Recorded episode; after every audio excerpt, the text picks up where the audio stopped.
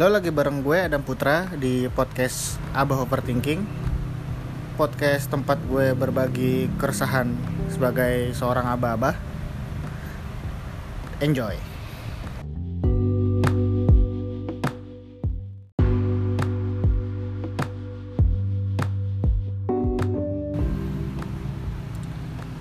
Halo, selamat datang di podcast Abah Overthinking bareng gue Adam Putra gimana kalian?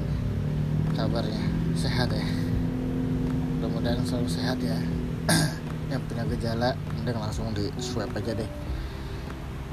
Biar cepat ketahuan positif atau negatifnya karena sekarang kayaknya corona makin membahayakan ya.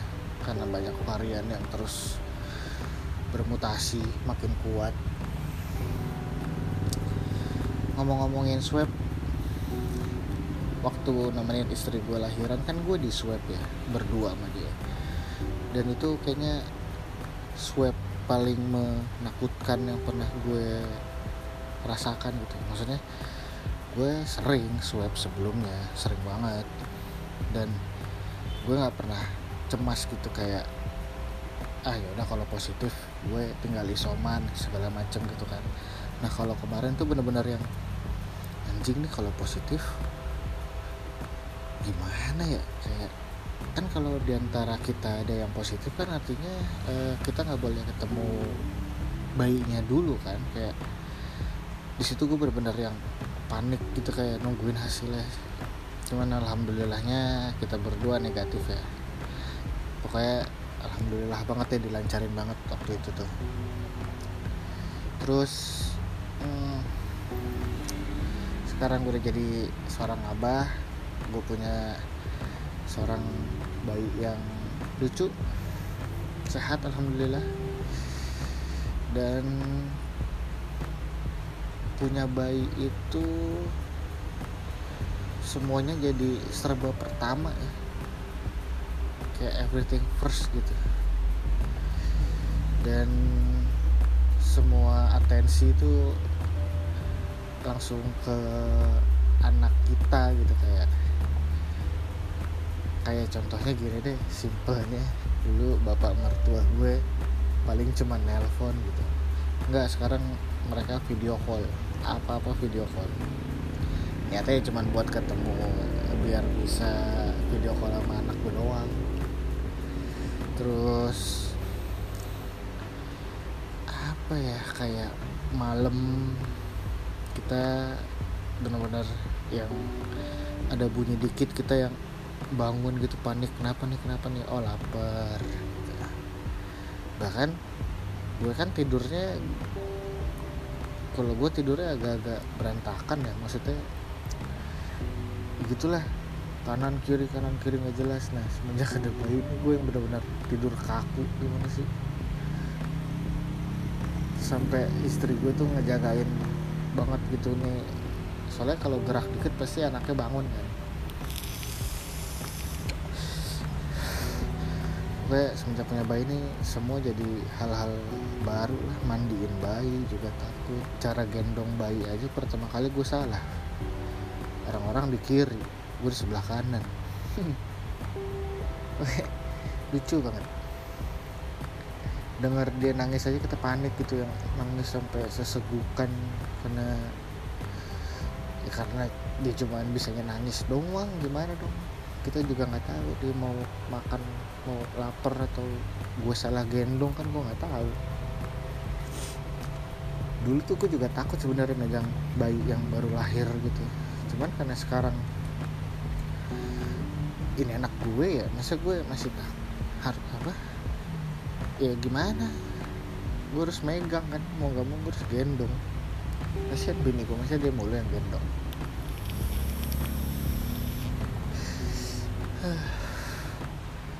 ya itu dan semenjak punya bayi ini pikiran tuh jadi mana-mana ya. Dulu dulu tuh gue nggak pernah punya goals atau tujuan. Kayak ya udah gue biarin ngalir aja kayak mau kerja di mana kayak gue mau ngapain kayak gue nggak punya uh, standar gaji yang tetap kayak kayak udah gue penting kerja gitu semenjak ada anak ini tuh gue kayak yang harus gak nih gue harus gak bisa gini doang nih gue harus tetepin nih gue uh, minimal gue punya gaji sekian karena gue harus memenuhi keperluan anak kan. Terus gue juga harus cari kerja yang uh, bisa dibilang agak longgar lah 9 to 5 lah. Jadi gue punya banyak waktu buat anak gue. Begitu pun juga itu istri gue istri gue juga nggak pengen kehilangan momen momen-momen golden age nya si anak gitu. Sama gue juga gue juga kayak gitu. Gue nggak mau pulang malam lagi pulang kerja malam lagi atau pulang kerja keluyuran dulu. Tuh gue gue udah kayaknya udah tegel gitu kayak kayak apa ya, kayak ada yang nahan gitu kayak wah gue harus pulang nih gitu. Macam-macam deh.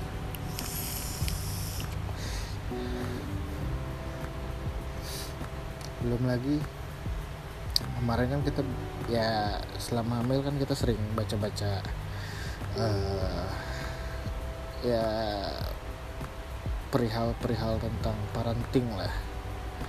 Entah itu di buku atau di internet gitu. Ada yang satu ada satu yang mengganggu pikiran gue sebenarnya. Ada orang yang bilang anak itu bukan project pribadi orang tuanya gitu. Di situ gue bilang bukan gue di situ gue mikir kayak ini konteksnya apa dulu nih kalau gue gue gue sih punya project pribadi untuk anak gue gitu. Salah satunya adalah gue pengen anak gue kenal semua saudara-saudaranya. Karena itu yang gue tidak bisa lakukan. Gue bisa dibilang cukup jauh nih sama saudara-saudara gue karena gue jarang main jarang jarang hadir di acara-acara keluarga gitu. Sedangkan gue pengen anak gue nih kenal gitu sama saudara-saudaranya. Terutama saudara dari keluarga bokap gue ya. Di situ yang gue ngerasa jauh banget dan gue pengen banget nanti gimana caranya anak gue tuh deket lah sama mereka kenal gitu. Nggak kayak gue. Dan itu salah satu project gue ya. Mungkin tapi gini tapi masa depan anak gue itu bukan punya gue. Nah itu gue setuju. Mau jadi apa pun dia nanti itu gue bakal serahin semua ke dia. Yang bisa kita lakukan adalah uh, benar-benar cuman ngarahin sama ngasih fasilitas. Ya insya Allah kita bisa menuhin fasilitasnya gitu. Seenggaknya kita bisa memetakan lah. Kayak misalnya oke okay, anak gue mau jadi apa oke. Okay, kalau mau jadi itu uh, step yang harus kamu jalanin tuh ini ini ini ini ya. Bahkan kayaknya uh, nanti uh, sebelum ya ketika dia dia udah SD atau SD SD mau masuk SMP tuh bakal kasih tahu gitu kayak pekerjaan di dunia nanti setelah kamu besar tuh ada apa aja dan uh, benefitnya apa aja? Apa yang harus kamu lalui? Apa yang harus kamu ambil di kuliahan? Apa yang harus kamu miliki skillnya? Kayak gitu. Karena gue pengen banget mengedepankan komunikasi dua arah gitu ke anak gue karena itu juga yang nggak gue dapet waktu gue kecil. Jadi ya pokoknya intinya karena gue nggak tinggal sama orang tua gue, gue juga kan waktu kecil jadi kayak udah gue nurut-nurut aja. Seenggaknya gue nggak nyusahin uh, orang yang gue tumpangin gitu. Jadi gue pengen banget anak gue tuh ngerasain uh, komunikasi dua arah. Jadi ketika dia besar nanti dia bisa jadi orang yang mampu berargumen dan mengeluarkan opini-opininya gitu. Orang yang berani mengeluarkan opini-opini. Nggak kayak gue kayak sekarang gitu kayak anjing gue baru umur 30 tahun men gue baru bisa berani kayak gini-gini. Terus mungkin nanti gue bakal ngajak anak gue ikut-ikut lomba ya, nggak bukan cuman untuk menang cuman buat ngelatih PD-nya dia aja. Biar dia nggak kayak bapaknya. Bah lagi ya. Oh masalah handphone. Ini penting juga nih buat gue. Gue tuh nggak pengen sebenarnya anak gue tuh nanti megang handphone terlalu sering gitu karena apa ya? Karena nggak ngerti sih gue. Gue ngeliatnya kalau anak kecil main handphone megang handphone itu kayaknya nggak nggak nggak tegal aja gitu. Mereka tuh harusnya main gitu. Harusnya main fisik harus harus main harus main langsung. Oke lah.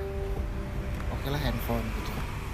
Cuman ya gue bakal ngasih pengertian mungkin nanti handphone itu cuma untuk menghubungi orang-orang terdekat kayak nenek kakek. Atau misalnya misalnya kalau misalnya gue lagi kerja atau segala macam gitu gue pengennya kayak gitu. YouTube pun kayaknya bakal gue batasin. Gue pengennya YouTube tuh nanti cuma di TV aja gitu jadi dia nggak tidak terpaku pada layar handphone. Itu sih mau gue tuh cuman gue nggak tahu nanti ke depannya gimana ya karena kayaknya gue juga orang yang kalah nih sama anak nih. Bukan orang yang bakal tegas gitu. Cuma masalahnya ketika gue menjauhkan dia dari uh, handphone atau ya katakanlah teknologi gitu kan gue harus siap siap menggantikan eh, memberikan dia mainan sebanyak banyaknya gitu. Jadi harus benar-benar prepare gak gue ya lu gak boleh main handphone cuman gue nggak kasih dia mainan apa-apa kan nanti dia jadi jadi bete. Gimana sih? Motoriknya nggak ada. Intinya gue pengen uh, membatasi screen time dia di umur-umur 1 sampai 2 tahun lah ya mungkin nanti tahun ketiga dia boleh lah megang handphone. Cuman nanti aksesnya gue batasin tetap. Karena YouTube sekarang di sini ada tai semua. Daripada anak gue terkontaminasi mendingan gue setelin film-film Disney aja. Daripada harus main YouTube oke kayaknya episode ini segini aja kali ya. Bye